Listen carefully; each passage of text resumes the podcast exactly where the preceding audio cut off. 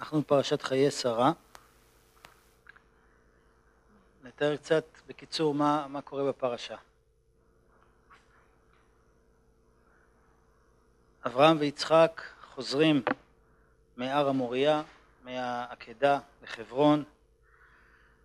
ניסיון קשה ואברהם אבינו עומד בניסיון הזה, יצחק עומד בניסיון הזה, אבל עכשיו, עכשיו אנחנו פוגשים אה, דבר קשה חדש ששרה נפטרה, באופן פתאומי שרה נפטרה. אברהם מבקש מבני חטא ועפרון החיתי לקנות את מערת המכפלה לאחוזת קבר לאשתו. לאחר ימי האבל אברהם רוצה למצוא זיווג ליצחק, הוא שולח את אליעזר לחרן, שמשם הוא בא, הוא מבקש ממנו למצוא שם אישה מתאימה ל... ליצחק. אליעזר זוכה להרבה ניסים, הרבה סיוע, מיד כשהוא מגיע לחרן פוגש את רבקה, המיועדת הקדושה, ולאחר דין ודברים רבקה מסכימה להצעה, גם בני המשפחה שלה מתרצים לזה. אליעזר לוקח את רבקה, יוצא בחזרה לארץ, יצחק התחתן עם רבקה ומגלה שאותה הברכה שהייתה אצל אימא שלו שרה נמצאת אצלו גם בבית נר דלוק מערב שבת לערב שבת, ברכה מצויה בעיסה וענן קשור על האוהל, ככה חז"ל אומרים.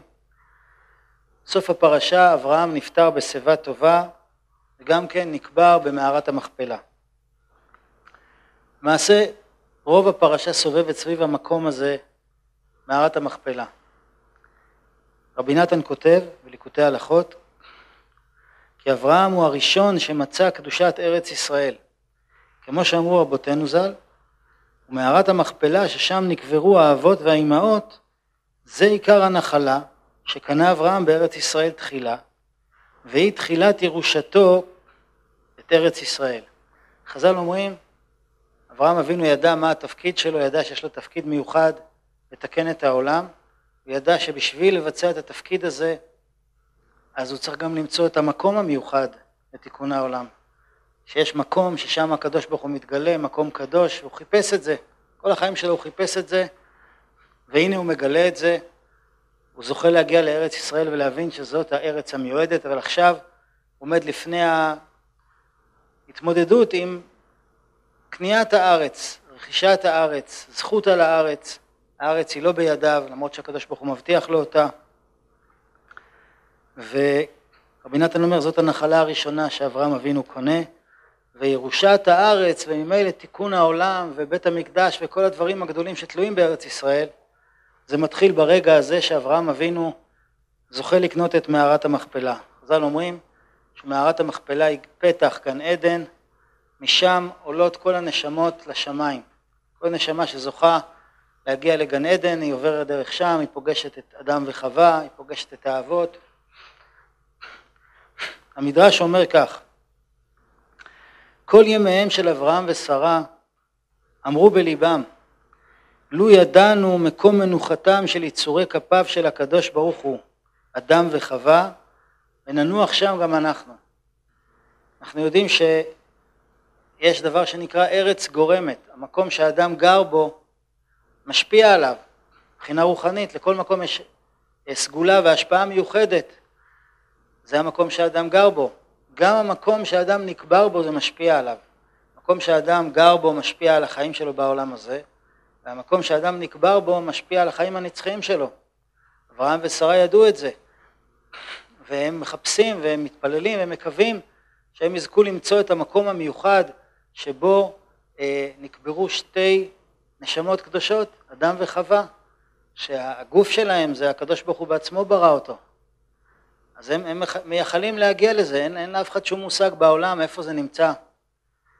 הדבר המדהים הוא שבעצם זה בשכונה שלהם.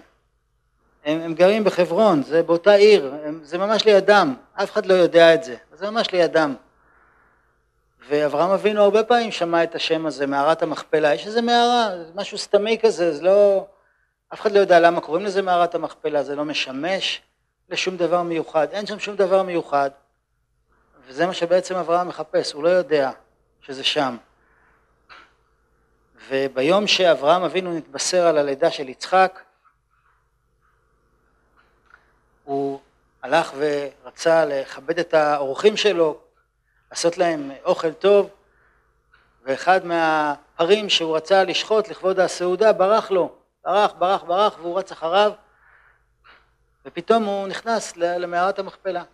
אברהם אבינו כמובן לא טרח אף פעם להיכנס לשם, עד שום דבר שהיה צריך לעניין אותו, אבל אה, עכשיו כשהוא נכנס למערה הוא ראה, הוא קלט שיש פה משהו אחר לגמרי, הוא הרגיש, הוא הרגיש, הוא הרגיש ריח גן עדן, הוא הרגיש שאור יוצא משם, זה המקום שהוא מחפש, זה המקום שהוא חיפש, הוא פתאום ראה שזה המקום שהוא מחפש. הוא מחפש, אברהם אבינו בא לעולם בשביל לחבר שמיים וארץ. ולכן אברהם אבינו הוא הראשון שקרא לקדוש ברוך הוא אדון הארץ. גם לפני אברהם אבינו היו אנשים שעסקו ברוחניות, שחיפשו משמעות, שחיפשו תכלית, אבל, אבל אה, אף אחד מהם לא הצליח להביא את הקדוש ברוך הוא לעולם, לקרוא לו אדון הארץ. אברהם אבינו חיפש איפה, איפה אפשר לחבר את הקדוש ברוך הוא לעולם, איפה נקודות החיבור. אז הוא ידע שיש גם נקודות חיבור בעולם הזה, נקודות של חיבור. מערת המכפלה זה נקודה של חיבור, הנשמות עולות. יש עוד נקודה של חיבור, ששם התפילות עולות, מקום בית המקדש. והמקומות האלה זה מפתחות, מפתחות של הקדושה, מפתחות של החיבור בין העולם הרוחני לעולם הגשמי, ואם זה יהיה בידיים של יהודים, אם זה יהיה בידיים של אנשים שרוצים קדושה ורוצים קשר לקדושה, אז הדבר הזה ייפתח והשפע הזה יגיע אלינו. אברהם אבינו יודע את זה, אבל, אה, אבל המקום הזה לא נמצא בידיים קדושות, המקום הזה נמצא אצל אחד משבעת העמים שהיו בארץ ישראל, החיטים, וזה בפועל נמצא בידיים של הסטרא אחרא, של הצד האחר, של הטומאה, והם שולטים על המקום הזה, ואי אפשר לבוא בפשטות ולהגיד אני רוצה את זה, כי מה שאברהם רוצה ומה שחשוב לו, אז בוודאי שאף אחד לא ישחרר לו את זה ולא ייתן לו את זה, כי יש מלחמה על המקומות הקדושים, יש מלחמה על הקדושה. אברהם אבינו לא יכול לבוא בפשטות ולהגיד אני רוצה לקנות את זה, ואם הוא היה עושה את זה, כל הכוחות שבעולם היו באים למנוע את זה ולהפריע את זה, ואף אחד לא היה מוכר לו את זה בעד כל הון שבעולם. המקום השני של הקדושה העצומה של חיבור בין העולם העליון לעולם הזה, מקום מערת המכפלה, גם עליה צריך להילחם. זה דוד המלך עושה, גם הוא צריך לקנות את זה ולשלם על זה ולראות איך עושים את זה. אה, בכל אופן אברהם מבין ש- שצריך לחכות. הוא רוצה את המקום הזה ושהמקום הזה יהיה ברשותו, זאת אומרת שהנה הוא מתחיל לקנות את הארץ, הנה הוא מתחיל לקנות את הקדושה, הקדושה תחזור לאנשים שרוצים את הקדושה, ייפתח הפתח לתיקון העולם, הוא יודע שהדבר הזה הוא מאוד מאוד משמעותי, זה מה שהוא חיפש כל החיים, אבל הוא יודע שהוא צריך אה, להיזהר, הוא צריך להיזהר לא לקפוץ וללכת על זה יותר מדי מהר, הוא צריך לחכות. לשעת כושר, זה עדיין לא בשל, זה עדיין לא הזמן, אם הוא עכשיו יבוא הוא ימשוך אש. והוא צריך סבלנות וזה מאוד מאוד קשה כי, כי הוא מאוד רוצה. וזה הדבר הכי חשוב לו בחיים ובשביל זה הוא הגיע לארץ הזאת והוא רוצה לקדם את התהליך של הגאולה ושל תיקון העולם. כמו שהוא רוצה להביא לעולם עם קדוש אז הוא רוצה להביא את העם הקדוש הזה למקום הקדוש. לעשות את כל החיבורים, להביא את התיקון. אבל עדיין הקליפה חזקה וכמו שיש עץ עם פירות כשהקליפה חזקה הפירוש הוא שהפרי לא בשל ואם אתה תיקח אה, אה, פרי שהוא לא בשל ותשבור את הקליפה בכוח אז אה, הפרי ייהרס וגם זה יהיה קשה מאוד לשבור את הקליפה. זה שהקליפה חזקה זה אומר שזה עוד לא הזמן. כשהפרי בשל הקליפה זה קל להעיף אותה. אז אברהם אבינו יודע את הדבר הזה והוא יודע גם שהתיקון של, של כל הקלקול שיש בעולם, מהאדם הראשון, זה לחכות לרגע הנכון, לא להיבהל, לא לעשות דברים בחוסר סבלנות. חז"ל אומרים שגם אדם הראשון היה צריך לאכול מעץ הדעת, אבל הוא היה צריך לחכות. הוא היה צריך לחכות שתיכנס שבת ואז הפרי הזה יהיה בשל, הוא יוכל באמת לקבל מזה את מה שהוא צריך לקבל. אבל האדם הראשון לא חיכה, והוא אכל מעץ הדעת לפני הזמן, ואז קרה מה שקרה והרע נכנס לתוכו, וכל מה שהעולם הזה עובר מתחיל מהסיפור הזה של חוסר סבלנות.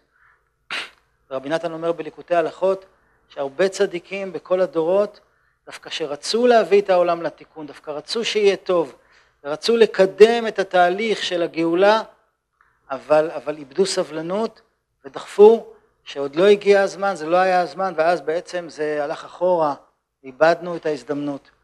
כמו למשל דוד המלך, חז"ל אומרים, אנחנו יודעים שמדוד המלך יוצא משיח שהביא את תיקון העולם, וזה מבת שבע, חז"ל אומרים ראויה הייתה בת שבע לדוד המלך מששת ימי בראשית, אלא שאכלה פגה. מה זה אכלה פגה? זה היה לפני הזמן, הוא לא חיכה, פשוט לא חיכה. אה, אברהם אבינו יודע את כל הדבר הזה, ויש לו את הכוח ויש לו את הזכות לא לגלות את הרצון הגדול שלו לקחת ולקנות את המערה. ולמרות שאברהם אבינו יושב בחברון, לא רק שהוא לא קונה את המערה, הוא גם עוזב את חברון, והוא הולך לגור בבאר שבע. יותר מ-25 שנה עוברות, ואברהם אבינו מתפלל ומחכה, מחכה לזמן הנכון, מחכה לעת הרצון, הוא רוצה, הוא חולם, הוא מקווה, הוא לא יודע איך זה יהיה, הוא לא יודע מתי זה יהיה, אבל הוא לא רוצה לעשות את הטעות הזאת, לעשות את זה בכוח לפני הזמן, הוא מחכה, הוא מחכה. אברהם ושרה חוזרים לחברון, עוברות עוד 12 שנה, 37 שנה כבר, הרבה זמן, מאז שאברהם אבינו רואה את המקום הזה שהוא כל כך חיפש, והנה הוא מצא אותו, אבל אף על פי כן, אף על פי כן הוא צריך לחכות. עכשיו בפרשה שלנו,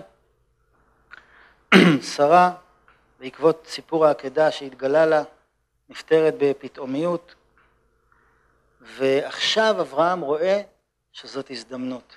הוא נמצא במקום, אשתו נפטרה, הוא מגלה שהוא רוצה לקנות את המקום, זה נראה איך שזה נראה בפני אחרים, שזה אגב אורחה, בגלל ששרה נפטרה, לא רוצה להלין את המת, הוא רוצה לקבור אותה, הוא מחפש איזה מקום, אז נכון, הוא אומר מה הוא רוצה, הוא רוצה את מערת המכפלה דווקא, אבל אף על פי כן, אה, המצב שנוצר מאפשר להציג את זה בצורה מתונה, לא למשוך אש.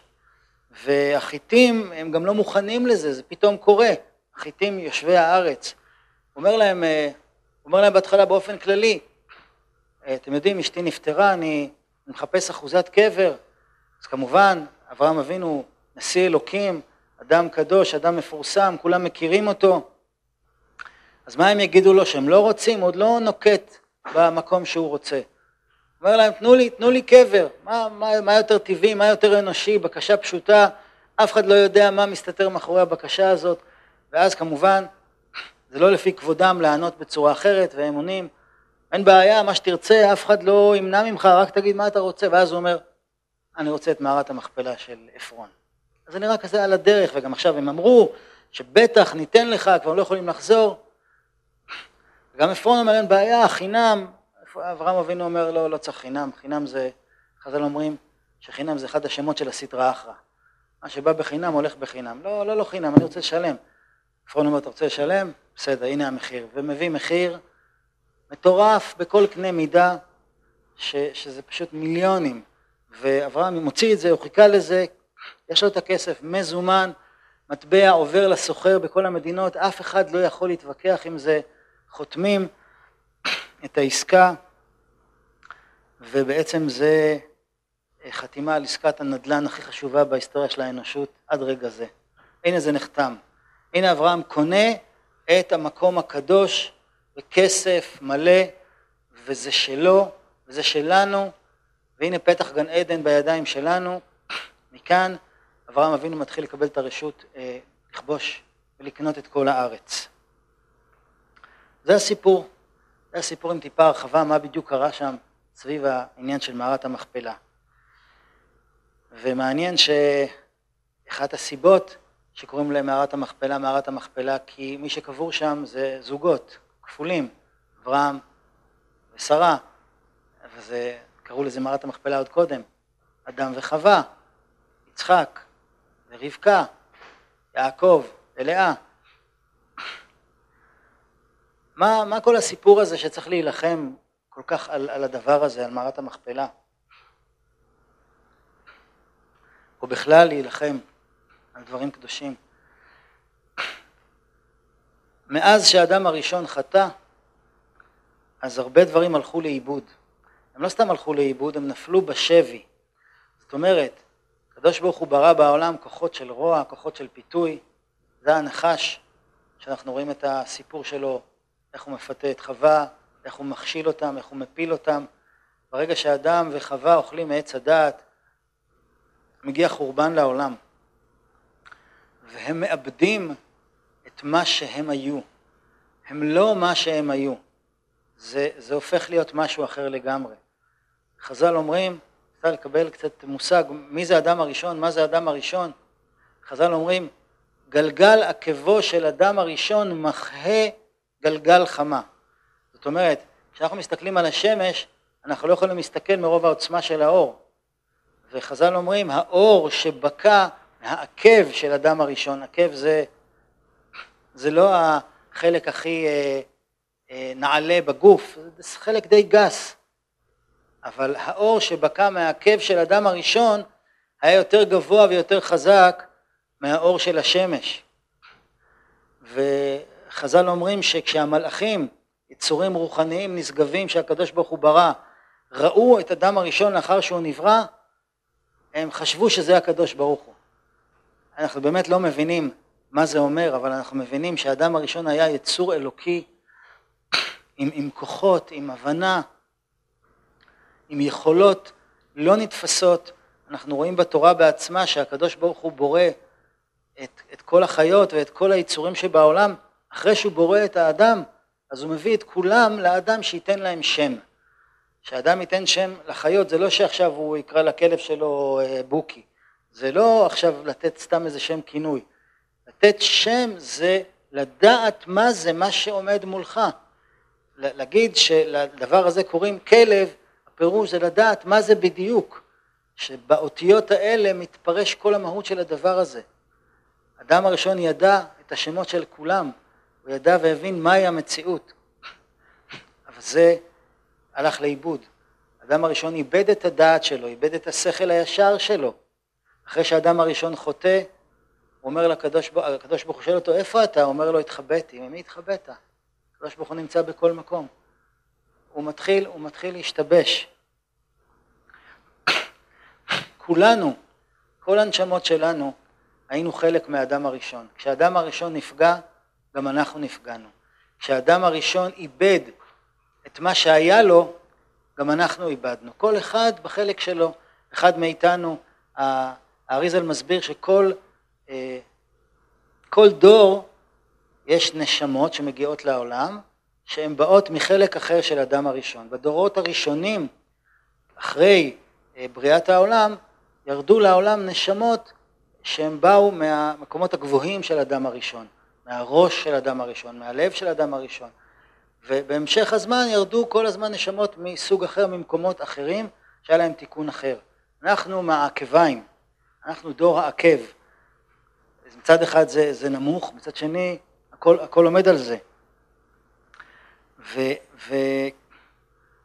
וכל אחד מאיתנו יש לו חלק שהוא צריך לתקן, במה שהוא אה, קלקל מאז שהוא היה חלק מהאדם הראשון והיה שותף לחטא עץ הדעת, עד היום, במשך כל הגלגולים שלו. כשאדם חוטא, הוא מאבד דברים, הוא מאבד אה, יכולת, הוא מאבד כישרון, הוא מאבד דעת. כמו שכשאדם אה, משתכר מאוד או לוקח סמים, הוא מאבד אה, יישוב הדעת, הוא מאבד צלילות, הוא, הוא לא תופס את המציאות, הוא נהיה מבולבל לגמרי, הוא אפילו לא יכול לעמוד, הוא אפילו לא יכול ללכת, הוא לא, הוא לא במציאות, הוא לא מבין מה קורה בכלל. באופן הזה, כל אחד מאיתנו, כשהוא בא לעולם, אז הוא, הוא נמצא במצב שהדברים הכי מהותיים והכי חשובים שלו, הוא לא יודע איפה הם, הרבה פעמים הוא אפילו לא יודע שהם קיימים.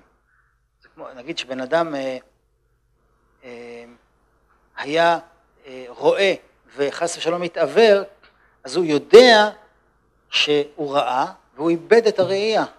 אבל בן אדם שנולד עיוור, הוא לא יודע שיש כזה דבר שנקרא כוח ראייה שיכול לראות את המציאות ואין לו את זה.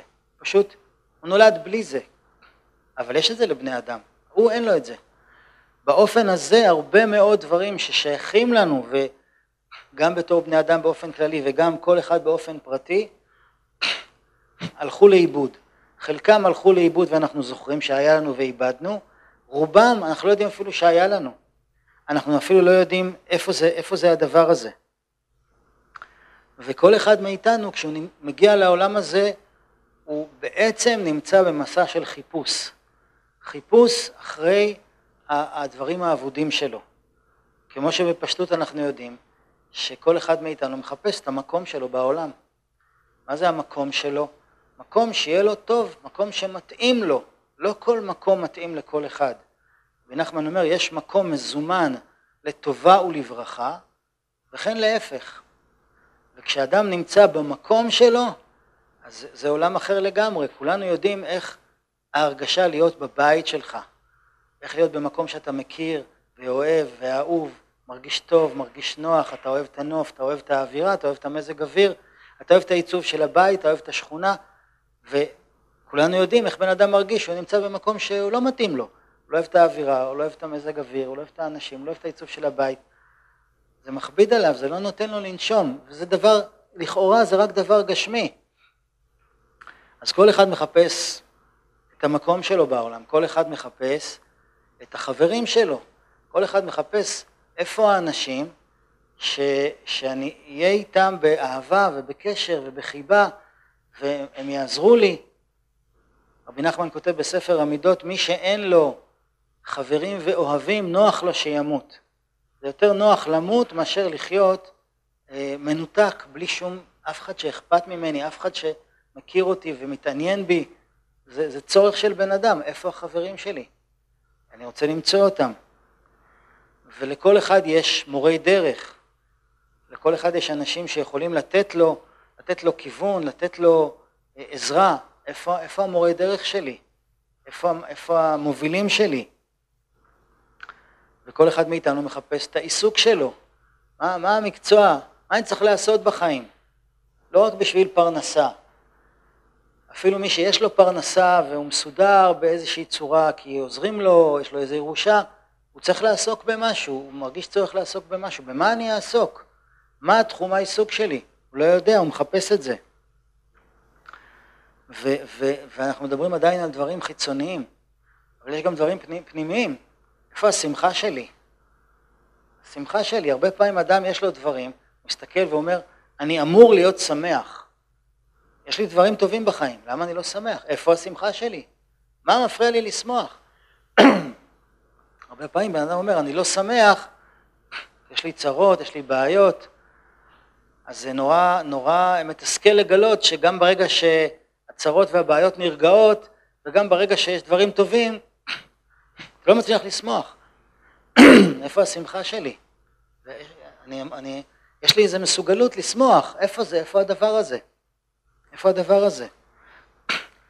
איפה ההצלחה שלי? איפה אני אצליח? איפה, איפה הייעוד המיוחד שלי? מה העניין שלי בחיים? מה אני צריך לעשות? ו, וכמובן, אה, כל אחד מחפש איפה הזיווג שלי, איפה החלק השני שלי ש, שישלים אותי, שאיתו אני אבנה חיים. זה המון דברים נורא נורא חשובים. המקום שלי, החברים שלי, השותף שלי לחיים, המורים שלי, השמחה שלי, הייעוד שלי, איפה הקדושה שלי, איפה השלמות שלי, כל הדברים האלה, איפה הם? זה לא, אה, זה כאילו, זה נמצא איפשהו, זה שלי, אבל מישהו לקח לי את זה, מישהו גנב לי את זה. אה, אם זה, אם זה מאז אדם הראשון, או אם זה אה, מאז שאני עשיתי שטות כזאת או אחרת, או אני, אני אפילו לא יודע למה, לא זוכר למה, אבל איפה הדברים האלה? למצוא את מה ששייך לי, למצוא את מה שאיבדתי, רבי נחמן קורא לזה תשובה. בגלל שהמילה תשובה פירושו לשוב, תחזור אל, אל מה ששייך אליך, תחזור, תחזור הביתה, תחזור לאוהבים שלך, תחזור למקום שלך, לשמחה שלך, לכיוון שלך, לייעוד שלך, תחזור. אבל הרי אנחנו יודעים שהמילה תשובה פירושה חרטה על חטא. אז איך זה מסתדר שרבי נחמן אומר שלחזור למקום שלך, ובעצם הזוהר אומר, זה, זה תשובה. כי הרי תשובה זה לתקן את העבירות שלי, לתקן את הטעויות שלי, לתקן את החטאים שלי. באמת יש קשר, כי אני לא יכול לחזור למקום שלי, בגלל שיש משהו שמפריע ומונע. מה שמפריע ומונע זה הטעויות שלי וה, והעבירות שלי וה, והדברים שעשיתי לא כמו שצריך. אני צריך לתקן אותם, אני צריך לנקות את השטח כדי שאני אוכל לחזור. אני לא יכול לחזור כי הדרך חסומה, אני חסמתי אותה. אז, אז, אז, אז לחזור בתשובה, לנקות את הדרך ולחזור למקום שלי, זה בעצם אותו דבר. והחטאים של האדם, הטעויות שלו, הם גורמים קטרוג. קטרוג פירושו שיש בית דין בשמיים, שבבתי דין של מעלה מחליטים מה יקרה פה בעולם, ויש שם מישהו שיושב ואומר, או, או כמה כאלה, לבן אדם הזה לא מגיע, לא מגיע לו טוב, לא מגיע לו שמחה, לא מגיע לו בן זוג, לא מגיע לו בית, לפי ההתנהגות שלו זה לא מגיע לו, לא מגיע לו. אם אני אסלק את הקטרוג, אז הדרך תיפתח, אני אמצא את הזיווג, אני אמצא את הבית, אני אמצא את הפרנסה, אני אמצא את השפע, את הבריאות, כל מה שאני רוצה. אני צריך לסלק את הקטרוג. באופן פשוט לסלק את הקטרוג, זאת אומרת, אה, להתחרט על, על הטעויות שלי ולתקן את דרכיי. אנחנו, ברוך השם, עושים את זה. אנחנו עושים את זה, כל אחד מאיתנו מנסה להשתפר, אבל בגלל שאנחנו לא יודעים בדיוק איך לעשות את זה, אנחנו לא יודעים בדיוק מה קלקלנו ובדיוק איך לתקן, אז, אז זה לא כל כך מהר מצליח להזיז את הקטרוג. אז יש לנו עצה, עצה נוספת, מקבילה, ל, ל, להזיז ולהסיר את הקטרוג שאומר אתה לא תגיע למה שמתאים לך ולמה שאתה צריך. והעצה הזאת היא לחכות, לחכות. רבי נתן כותב כי מחמת חטא אדם הראשון וכן כל אחד על ידי חטאו אי אפשר להתקרב מיד. זאת אומרת, רבי נחמן בא ומחדש חידוש. מה קורה כשבן אדם, בן אדם תופס את עצמו ואומר, אני עושה טעויות, אני רוצה להשתנות, מהיום אני אפסיק לעשות כך וכך, אני רוצה להשתנות, זה נקרא שהוא חוזר בתשובה. חזרה בתשובה זה לאו דווקא הפירוש שהאדם שלא מקיים מצוות יתחיל לקיים מצוות. גם מי שמקיים מצוות, יש לו טעויות, יש לו עבירות, והוא צריך לתקן את עצמו. כולנו צריכים לתקן את עצמנו. להסתכל איפה אנחנו טועים ולהתיישר. ברוך השם, אנחנו עושים את זה, אנחנו עושים את זה כל הזמן. אבל יש לנו טעות אחת. הטעות הזאת היא שאנחנו חושבים שברגע שהחלטנו להשתנות, או ברגע שהפסקנו עם איזה שטות שעשינו, ברגע הזה הכל יתיישר. כמו שבן אדם הוא מעשן כבד, יום אחד הוא אומר, מהיום אני מפסיק לעשן. אז מה אתה מצפה שיקרה? שמהיום ייכנס לך אוויר לריאות? חכה שנייה, יש עכשיו, עכשיו יש תהליך של ניקוי, עכשיו צריך לקחת זמן, נכון? זה יפה שהפסקת, ו- וזו התחלה טובה, אבל זה לא ברגע שהפסקת מגיע כל הטוב. חייב להיות זמן מהרגע שאתה החלטת להשתנות, שזה רגע קדוש, וזה רגע נפלא, וכל, וכל הבריאה מחכה לדבר הזה, וזה דבר עצום שאדם מסוגל להסתכל על עצמו ולהגיד, אני רוצה להשתפר. אבל, חכה, עכשיו אתה צריך לחכות, כי, כי זה צריך לקחת זמן. אחרי שאדם מחליט להשתנות, מגיע תמיד שלב של המתנה. אם אני ממתין, אם אני מסכים לחכות, אז מה אני בעצם אומר? אני אומר שאני מבין שהישועה והדברים שאני מאחל לעצמי, זה לא נמצא בידיים שלי. זה לא משהו טכני כזה. אני לכלכתי, אני אנקה, הכל יסתדר, הכל בסדר. לא, צריך רשות משמיים. אני מנקה, אני מתחרט, זה בסדר גמור, אבל אני צריך לחכות, אני חייב להמתין. ורוצים לתת לי את כל הטוב, וייתנו לי את כל הטוב. זה החידוש של רבי נחמן שהוא אומר בתורה ו' בליקוטי מוהר"ן, שעיקר התשובה זה המתנה.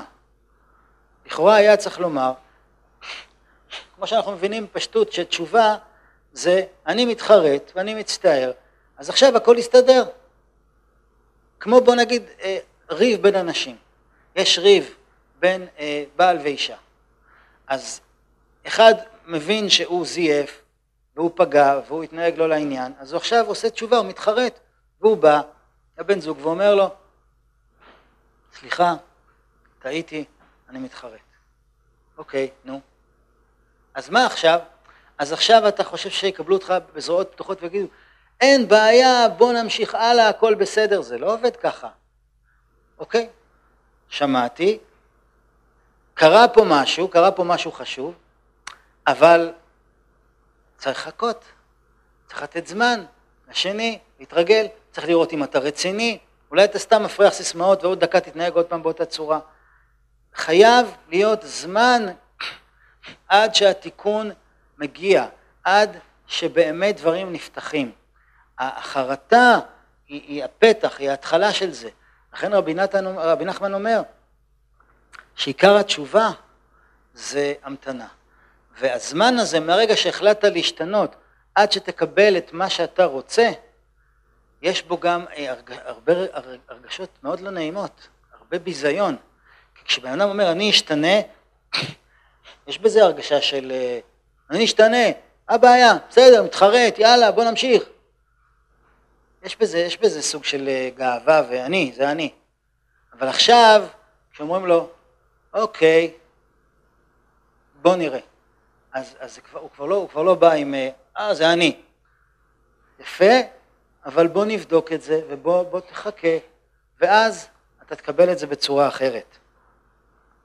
החידוש הגדול של ההמתנה זה שיש לה כוח לבטל את הקטרוגים שיש על האדם. אותו קטרוג שיש בבית דין של מעלה, שאומר מי שאומר, אתה לא ראוי, לא מגיע לך, לא מגיע לך, איך שהתנהגת לא מגיע לך שיהיה לך טוב.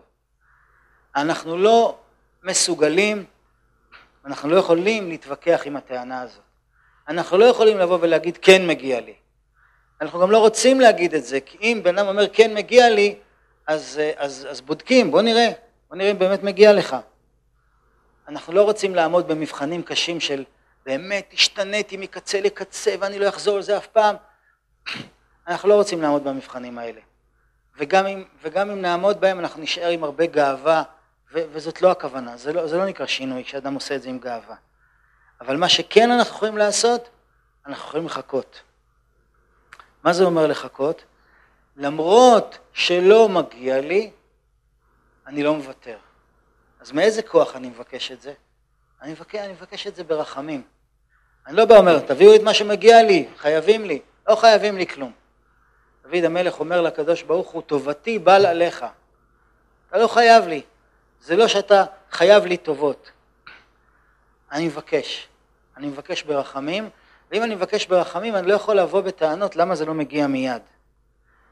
זה מה שאברהם אבינו עושה. אברהם אבינו מבין שיש קטרוג, הוא לא הולך בכוח.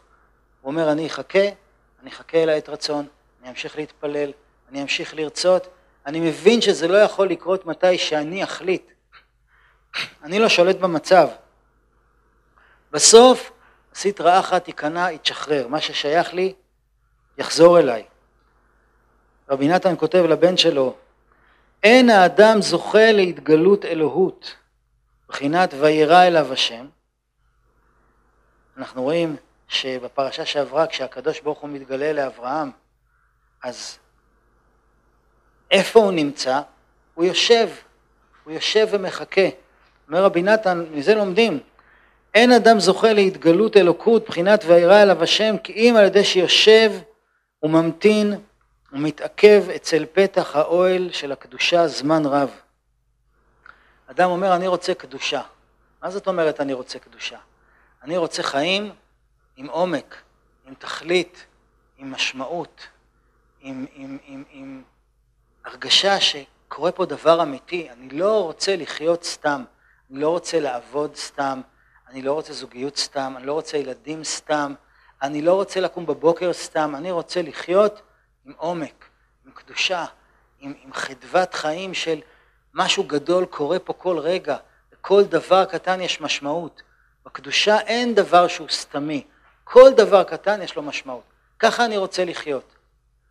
אז ברגע שבן אדם מחליט את זה ורוצה את זה, אז רבי נתן אומר, אבל עכשיו יש לך עבודה לחכות לזה. למה עבודה לחכות לזה? כי עכשיו עובר עליך איזשהו ניסיון, והניסיון הזה הוא מכשיר אותך לקבל את הדבר הזה. ואף על פי שבתוך כך עובר עליו מה שעובר, וחמימות היום, כתוב והוא יושב פתח האוהל כחום היום, חם, אבל הוא יושב. אז רבי נתן אומר, וחמימות היום, מה זה החם הזה? שהם כלל התאוות בוער אותו הרבה, זה שורף אותי. התאוות, הכעס, הדברים שמציקים לי, הדברים שאני מתאווה אליהם ולא משיג אותם, זה שורף אותי, זה קשה לי, זה מכביד עליי. אף על פי כן, הוא אינו מניח את מקומו חס ושלום, רק הוא יושב וממתין ומתעכב אצל הפתח ימי, ימים וזמנים רבים. ואף על פי שהכיליון עיניים קשה מאוד, רבי נתן אומר נכון, זה קשה לחכות, אתה מחכה ואתה רוצה, רוצה כבר להגיע למשהו אמיתי בחיים שלך, אז זה קשה, כיליון עיניים הוא קשה.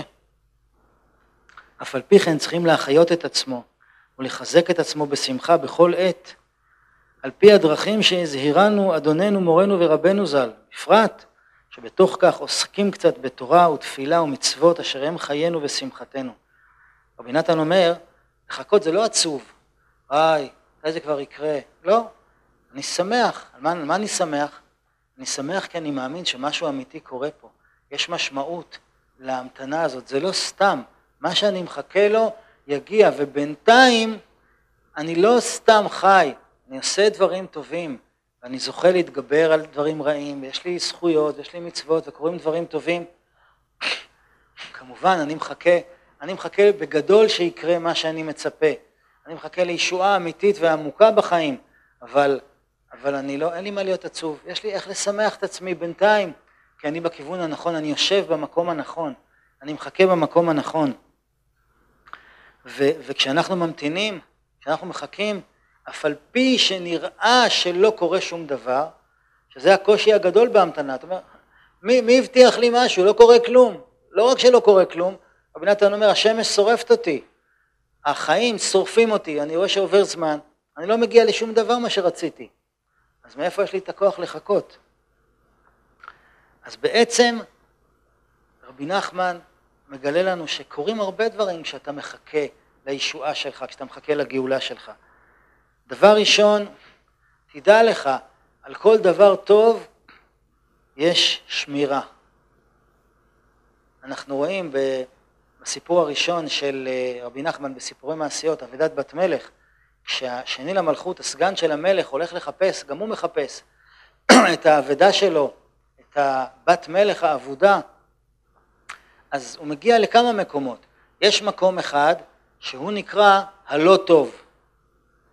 בלא טוב נותנים לו להיכנס. הוא עומד, יש שם שומרים, אבל זה הכל סתם, נותנים לו להיכנס. מה ש... מה, איפה שזה אין שמירה, זה, זה, זה לא, לא אומר שזה הולך ככה, שזה באמת הדבר. ובסוף הסיפור, כשהוא מגיע למקום שהוא לא הלא טוב, אלא מקום שבאמת נמצאת בת המלך, אז שם לא נותנים לו להיכנס. שם השומרים לא נותנים לו להיכנס, והוא צריך לשלם, והוא צריך לעשות כל מיני דברים. אז אם לא נותנים לי להיכנס, מה זה אומר? יש פה משהו רציני. יש שמירה. באמת רוצים להכניס אותי, אבל רוצים לבדוק כמה אני רוצה. ומי שרוצה באמת, הוא לא ילך לשום מקום. יש פסוק שדוד המלך אומר בתהילים, נותן לחם לכל בשר כי לעולם חסדו. דוד המלך אומר דבר פשוט, הקדוש ברוך הוא מבטיח לכל בשר, לכל אדם, מבטיח לחם.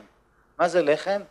מה שאתה חייב, כמו לחם ומים, אתה חייב, אתה לא יכול, זה לא חמאה, זה לא תוספות, לחם. הקדוש ברוך הוא אומר, אני נותן לחם לכל בשר. אז אם אתה רוצה משהו, אני רוצה שאם אתה תרצה את זה כמו לחם, כמו משהו חיוני, אני אתן לך. אני רוצה לראות.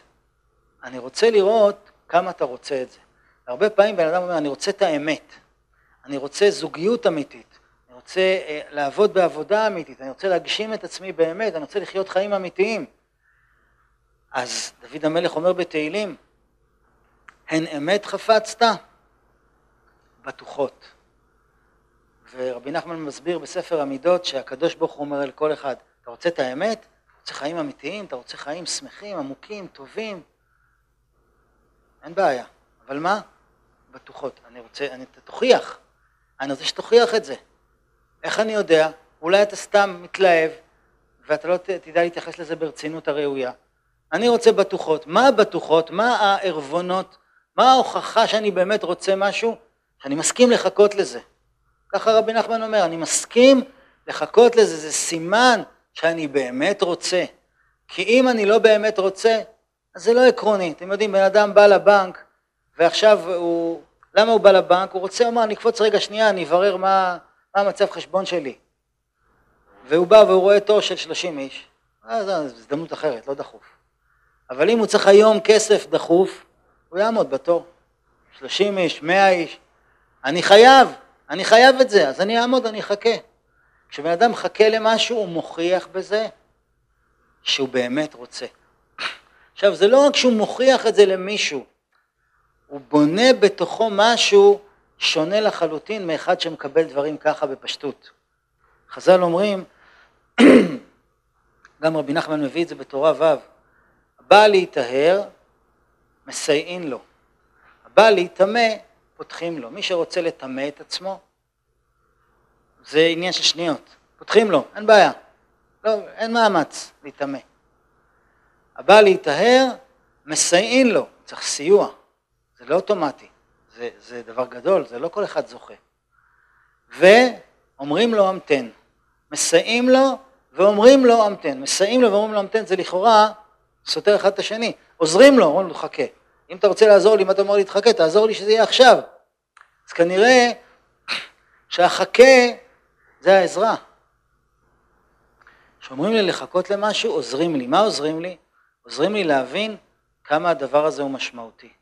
עוזרים לי להבין שזה לא מובן מאליו שאני אקבל את זה. עוזרים לי להבין שזו זכות מיוחדת ומתנה לקבל את זה.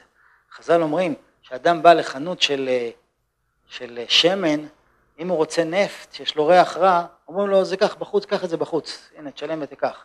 אם הוא רוצה שמן אפרסמון, שמן יקר ועם ריח מאוד מיוחד, שזה גם עולה הרבה, אז זה לא נמצא בחוץ, זה בכספת. אז מה אומר לו המוכר? חכה, נגמור פה עם הקונים, נרד למטה, נביא לך, זה... דבר יקר לוקח זמן. אז אם אתה רוצה משהו, ואנחנו רוצים דברים יקרים, רוצים דברים אמיתיים, זה לוקח זמן. אז זה הכרטיס כניסה. אתה לא יכול להיות ראוי, ואתה לא אמור להיות ראוי, ואתה לא צריך להיות ראוי. אבל בזה שאתה מחכה, אתה מראה שאתה רציני. ואם אתה רציני, למרות שאתה לא צדיק, ואתה לא מושלם, ואתה לא מתוקן, אבל אתה רציני. אתה בא בלב כנה ואתה באמת רוצה, אז באמת הקדוש ברוך הוא אומר, אני, אני אוהב אנשים רציניים. אני אוהב אנשים שהם באמת מתכוונים. איך אני אבחן את זה? תחכה. מה קורה בזמן הזה שאני מחכה, חוץ מזה שבוחנים אותי ושאני עומד במבחן? כל אחד יודע שהוא חיכה הרבה זמן למשהו, כשהוא קיבל את זה, זה משהו אחר. יש לו קשר עמוק מאוד עם הדבר הזה. אני יודע לכבד את זה, אני יודע להעריך את זה, יש לי כלי לזה. אה, זה לא מובן מאליו, זה נהיה קדוש מאוד, זה נהיה יקר מאוד. כמו שמישהו מחכה לשידוך, כמו שזוג מחכים לילדים, כמו שמישהו הרבה זמן מחפש עבודה או בית. כשאתה מחפש משהו ואתה מחכה הרבה זמן, כשזה מגיע יש לך יחס אחר לזה. אתה בא לזה ממקום אחר. אתה מעריך את זה, אתה מכבד את זה, אתה מייקר את זה, יש לך קשר עם זה. אתה לא תוותר על זה בקלות ואתה גם תהיה מוכן יותר להשקיע בזה, להתמודד בשביל זה, להילחם בשביל זה. זה לא מובן מאליו, זה לא בא על הדרך. ומה שלא בא על הדרך, יש פה דבר אמיתי, יש פה התקשרות אמיתית. הקדוש ברוך הוא אומר, אתה רוצה דברים אמיתיים? תעשה הכנה. אתה תשתנה, בזמן שאתה מחכה אתה תשתנה. אתה תהפוך להיות עם כלי, עם, עם עוצמה, עם רצון, עם רגש, עם התקשרות, ו, ואז כשאתה תקבל את זה, זה יהיה אחרת לגמרי. עוד דבר מאוד מאוד גדול שקורה כשאדם מחכה, מחכה לכל דבר טוב ואמיתי ומחכה לישועה שלו ולגאולה שלו ולתיקון שלו. כל דבר שמקבלים מיד, אז יש הרגשה, זה אני עשיתי. איך עשיתי את זה? החלטתי שהכל השתנה, והכל השתנה. מהיום אני, אמצא עבודה. אה, באמת? בוא נראה. אני חיפשתי ולא מצאתי וניסיתי ולא וזה וזה. בסוף הגעתי למסקנה שמה? כנראה זה לא אני מוצא את העבודה. לא, ויש לי כמה תעודות וכמה כישרונות וכמה זה וכמה קשרים. לא עזר. מסקנה, זה לא אני. ברגע שבן אדם אה, עושה פעולה ומצליח מיד, התוצאה היא בלתי נמנעת. הוא משוכנע שזה בגללו. הוא משוכנע שזה הכישרונות שלו והיכולת שלו והחוכמה שלו והקסם האישי שלו והמזל שלו ואני לא יודע מה שלו. אז אם בן אדם מקבל דברים בצורה של גאווה, זה אומר שהוא שם את הקדוש ברוך הוא בצד. גאווה זה להזיז את הקדוש ברוך הוא, להוציא אותו מהתמונה חס ושלום. זה מה שהתורה אומרת. ורם לבבך ושכחת את השם אלוקיך. אז, אז, אז, אז, אז בוא נשאל שאלה קצת אה, בוטה. אז מה? אגר קיבלתי את זה, מה אכפת לי? מה זה משנה? בסדר, שכחתי את הקדוש ברוך הוא, אז אני אזכר בו בהמשך הדרך, מה זה משנה? אז זה לא עובד ככה. אם קיבלתי משהו בלי רשות מהקדוש ברוך הוא, בלי שהוא ייתן לי את זה, אז זה לא שלי, אז אני גנב. אז זה בכלל לא שלי. ואם זה לא שלי, ייקחו לי את זה. זה לא, טוב, לא משנה, העיקר שזה אצלי, זה לא אצלי בכלל. זה לא אצלי, כי אני עשיתי את זה בכוחי, ואני רציתי שזה יהיה דווקא ככה ודווקא עכשיו, והשגתי את זה ופעלתי ודחפתי ולחצתי והפעלתי קשרים, והנה זה אצלי. אז תדע לך שזה לא אצלך, ואתה תאבד את זה. וכל החוסר סבלנות שיש בעולם, הוא בא מהנקודה הזאת של זה צריך להיות כמו שאני מבין, אבל, אבל הקדוש ברוך הוא רוצה לתת לך את מה שטוב לך, אבל הוא רוצה לתת לך את זה כמו שהוא מבין, בזמן שלו ובצורה שלו. למה? בגלל שהוא רוצה לענות אותך? לא, כי הוא רוצה לתת לך את זה לנצח. כשהוא ייתן לך את זה, יש לזה חותמת, זה רק שלך, זהו. הוא נתן, חותמת של המלך, אף אחד לא ייקח לי את זה. זה הגיע בזמן הנכון, זה היה בשל, עכשיו זה, עכשיו זה שלי, עכשיו אני יכול להשתמש בזה, עכשיו אני יכול לכבד את זה, ועכשיו אני יכול לשמוח בזה, ואני קיבלתי את זה מהמלך, זה משהו אחר לגמרי. וגם בחיים שלנו כל אחד יכול לראות שדבר שלקח זמן, אז כשהוא בא לזה, והוא קיבל את זה, הוא בא לזה עם יותר ענווה, וההרגשה היא שונה לגמרי.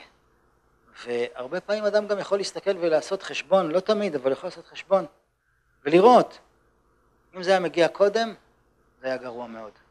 אני לא הייתי במקום הזה. לא הייתי, אני, אני לא הייתי במקום לקבל את זה, אני יודע שלא הייתי במקום. לא תמיד הוא רואה את זה, אבל לפעמים הוא רואה ואומר, טוב שזה הגיע עכשיו. הבעיה היא אנחנו רוצים משהו, רוצים אותו עכשיו, זה טבעי, זה אנושי, אני רוצה עכשיו. בסדר, הקדוש ברוך הוא אומר בסדר, זה יפה, זה טוב, זה חשוב שאתה רוצה. והרצון זה הדבר המרכזי, אל תאבד את הרצון. תמשיך לרצות.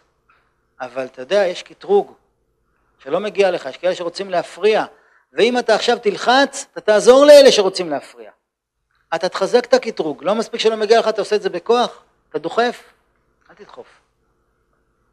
רבי נחמן אומר שאפילו בתפילה לא טוב להתעקש. אני רוצה עכשיו, דווקא כך. תבוא בתחנונים, אני נורא רוצה, כואב לי, הלוואי שזה יהיה עכשיו, אבל אם זה לא הזמן, אז תן לי כוח לחכות. לא בכוח. גם בתפילה יש מושג של בכוח. אז זה לא, זה לא קסם כזה, זה פטנט רוחני כזה, אני אלחץ ואני אקבל. ולפעמים יכול להיות שאני אלחץ ואני אקבל, אבל אם קיבלתי בגלל לחץ, אז קיבלתי לפני הזמן ויכול להיות שאני אאבד את זה. עדיף, עדיף לי לחכות, אני אקבל את זה בזמן הנכון. וכשאני אקבל את זה משמיים, זה יהיה שלי באמת. ובואו נראה מה רבי נתן כותב. רבי נתן כותב ממש הבטחה, הבטחה גמורה לכל מי שמסכים לדבר הזה. לחכות זה לא עונש. אתה מתעדן, אתה נהיה יותר ענב, אתה מקבל כלים, אתה מקבל התקשרות עם הדבר, אתה, אתה מבטל את הקטרוגים, כשיגיע הזמן זה יהיה שלך באמת, כדאי לך לחכות. ואתה תבוא לזה בצורה קדושה, בצורה עם ענווה. רבי נתן כותב בליקוטי הלכות ככה, כי כשזוכים לזה, לבחינת המתנה, אז בוודאי יזכה לגאולה שלמה מגלות נפשו. מה זה גלות נפשו? גלות נפשי זה הפירוש שהנפש שלי לא במקום. לפעמים אדם נמצא פיזית במקום שלו, עוסק פיזית בעבודה שלו, נמצא פיזית עם הבן זוג שלו, אבל הנפש שלו בטירוף, והוא לא מוצא את עצמו, ויש לו, לו פחדים, יש לו שערות, יש לו בלבולים, יש לו שאלות. הנפש שלו לא במקום. אז, אז מה זה עוזר כל מה שיש לו אם הנפש שלו לא במקום? הוא לא יכול בכלל ליהנות ממה שיש לו. אז הגלות הכי גדולה היא גלות הנפש. רבי נתן אומר שזוכים לזה מבחינת המתנה, ודאי יזכה לגאולה שלמה מגלות נפשו, כי בוודאי סוף כל סוף ישוב אל השם וירחמהו, כי חסדי השם לא תמנו ולא חלו רחמיו. הרחמים של הקדוש ברוך הוא הם אינסופיים, וכשבן אדם מחכה בלי ללחוץ, הוא מעורר רחמים. בדיוק באותה מידה שכשהוא לוחץ ומתעקש בגאווה שזה יהיה כמו שהוא רוצה, אז הוא מעורר דין.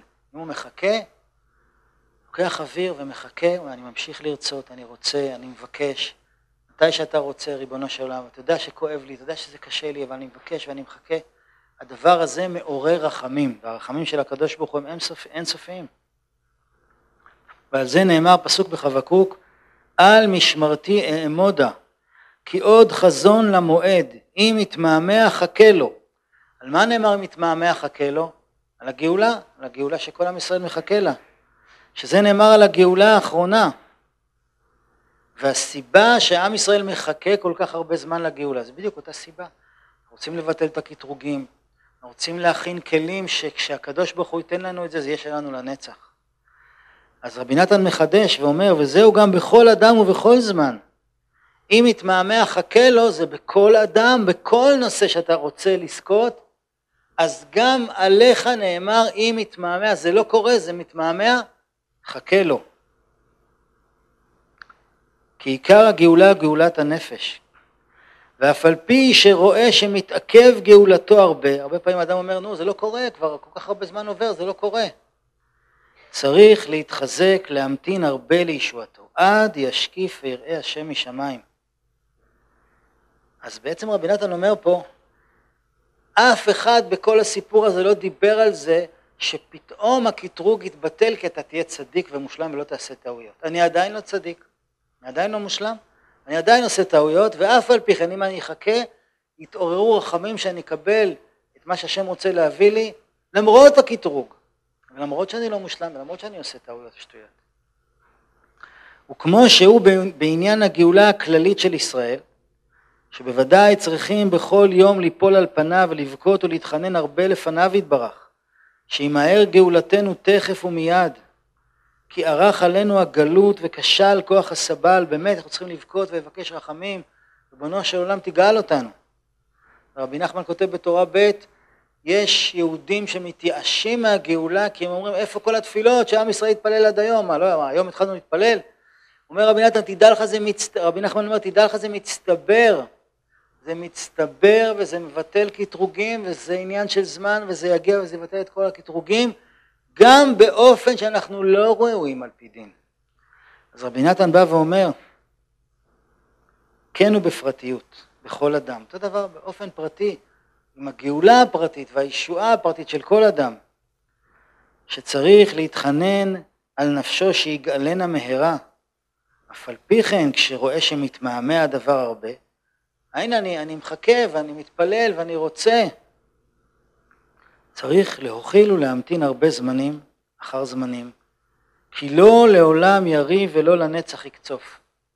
זה פסוק שאומר שהקדוש ברוך הוא אף על פי שיש אצלו מידת הדין, מידת הדין זה באמת על פי צדק, זה לא סתם דין, אבל אף על פי כן כשעובר זמן, הזמן מרכך את הדין. לא לעולם יריב ולא לנצח יקצוף. הקדוש ברוך הוא עובר זמן, זה כמו, ש... כמו שאבא כועס על הילד שלו בגלל שהוא עשה משהו מאוד חמור ועכשיו הוא מרחיק אותו, אבל הלב שלו נשבר וכמה שעובר הזמן, אז אפילו שילד לא עשה שום דבר לתקן את העניין, אז הוא נזכר בו ומתגעגע אליו, בסוף נשבר לו הלב והוא מקרב אותו. אז ככה הקדוש ברוך הוא. אז ממילא המתנה יש לה כוח גם למי שעוד לא מצליח לתקן את המעשים שלו. ואף על פי, רבי נתן אומר, אף על פי שהמניעה מצידנו, מה מפריע? מחמת שאין לנו הגונים במעשינו כראוי. ואפילו אם הוא כמו שהוא, אדם אומר לעצמו, מה, מה אני מחכה? אני, פתאום הוא נהיה בן אדם מאוד אמיתי ואומר לעצמו, אני יודע שלא מגיע לי, אני יודע שעשיתי שטויות, אני יודע שלא מגיע לי. אז רבי נתן אומר, זה כל החידוש, מדובר על אחד שלא מגיע לו. לא מדובר על אחד שמגיע לו, אחד שמגיע לו הוא מקבל. מדובר על אחד שלא מגיע לו, והמעשים שלו לא מתוקנים, ואף על פי שהוא כמו שהוא, שלא יפסיק לצפות לישועה, כי הישועה תגיע גם אליו, כי רחמי השם יגיעו גם אליו. וזה שהוא מחכה וזה שהוא רוצה, זה בעצמו מבטל את הדינים, למרות שהוא לא מצליח להשתנות כפי שהיה ראוי. כל זמן שתולה עיניו למרום, שומר ומצפה וממתין לישועתו יתברך, על ידי זה בעצמו יחוס ויחמול עליו השם יתברך, ויקרבהו לעבודתו באמת, ויתהפך הכל לטובה. רבנו כותב, יש עניין שאני אתהפך הכל לטובה. איך זה העניין הזה? הכל, הכל, כל מה שעברתי, כל השטויות, כל המשברים, כל הבלגנים, דברים שקשים, ובזבזתי זמן, נשרפו החיים, הרבה פעמים אדם יש לו הרגשה שבאמת הוא טעה כל כך, והסתבך כל כך, שבאמת כבר באמת לא יצא ממנו כלום. אבל רבי נחמן אומר, יש עניין שנתהפך הכל לטובה. יש כזה דבר בעולם שהכל, כולל כל הטעויות וכל השגיאות וכל העבירות וכל החטאים, הכל מתהפך לטובה, הכל הופך לטוב, הכל הופך לישועה. אבל, אבל, אבל לכאורה בשום מקום לא כתוב איפה הכפתור שלוחץ על זה, איפה הכפתור שמפעיל את זה. אני גם רוצה שיתהפך הכל לטובה. איפה, איפה זה הדבר הזה? אז הנה רבי נתן אומר לנו, אני אגיד לך איך, איך מגיעים לדבר הזה. יש עניין שנתהפך הכל לטובה, אם אתה לא מתייאש וממשיך לחכות ולנסות ולעשות את מה שאתה יכול ולבקש רחמים, לא להתייאש וללכת, אני ממשיך לרצות. אה, אבל מה אתה שווה ואיך אתה מתנהג? הקדוש ברוך הוא רחמן, הוא יודע ש- שאני רוצה, הוא יודע שאני מנסה, הוא מכיר אותי, למרות שאני לא מושלם, אני עושה מה שאני יכול. כן, אבל אתה לא ראוי. אני יודע שאני לא ראוי, לא אמרתי שאני ראוי. אני מבקש רחמים והקדוש ברוך הוא רחמן, ואם אני אחכה אני אעורר כאלה רחמים שילחץ הכפתור הזה, אולי זה עוד שנייה. יש עניין שנתהפך הכל לטובה, שהקדוש ברוך הוא יגיד, טוב, בוא, בוא, עזוב, אני רואה באמת, כל כך אתה רוצה, לא מצליח לך, בוא אני אעזור לך, אני אהפוך את הכל, אני אתקן את הכל, אני רואה שאתה באמת רוצה. יש עניין שנתהפך הכל לטובה. בעזרת השם, שנזכה שבאמת זה יקרה ברגע זה לכל אחד מאיתנו, לכל עם ישראל, שהכל יתהפך לטובה ולברכה. בעזרת השם יתברך.